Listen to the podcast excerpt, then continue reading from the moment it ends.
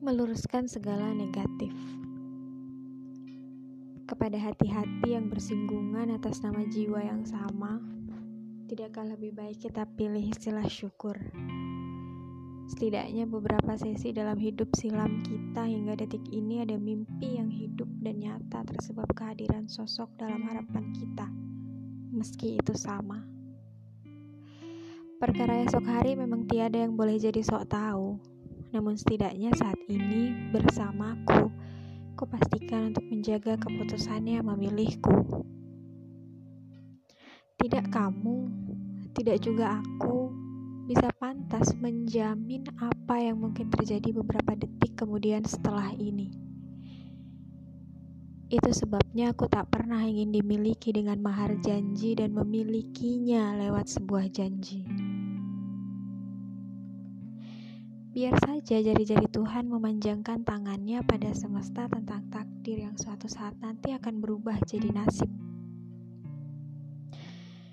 Ah, bolehlah kiranya ku pinjam ke katamu yang begitu manis, duhai salah satu hati yang pernah dan mungkin masih bersinggungan dengan hati yang kuisi saat ini.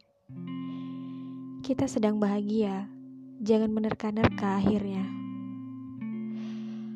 Mengapa saling menekuri luka atas nama kesenjangan harapan dengan kenyataan jika kamu, kamu, kamu, dan kamu yang lain serta aku sebenarnya bisa memilih untuk saling memeluk dan menciptakan keindahan yang menenangkan.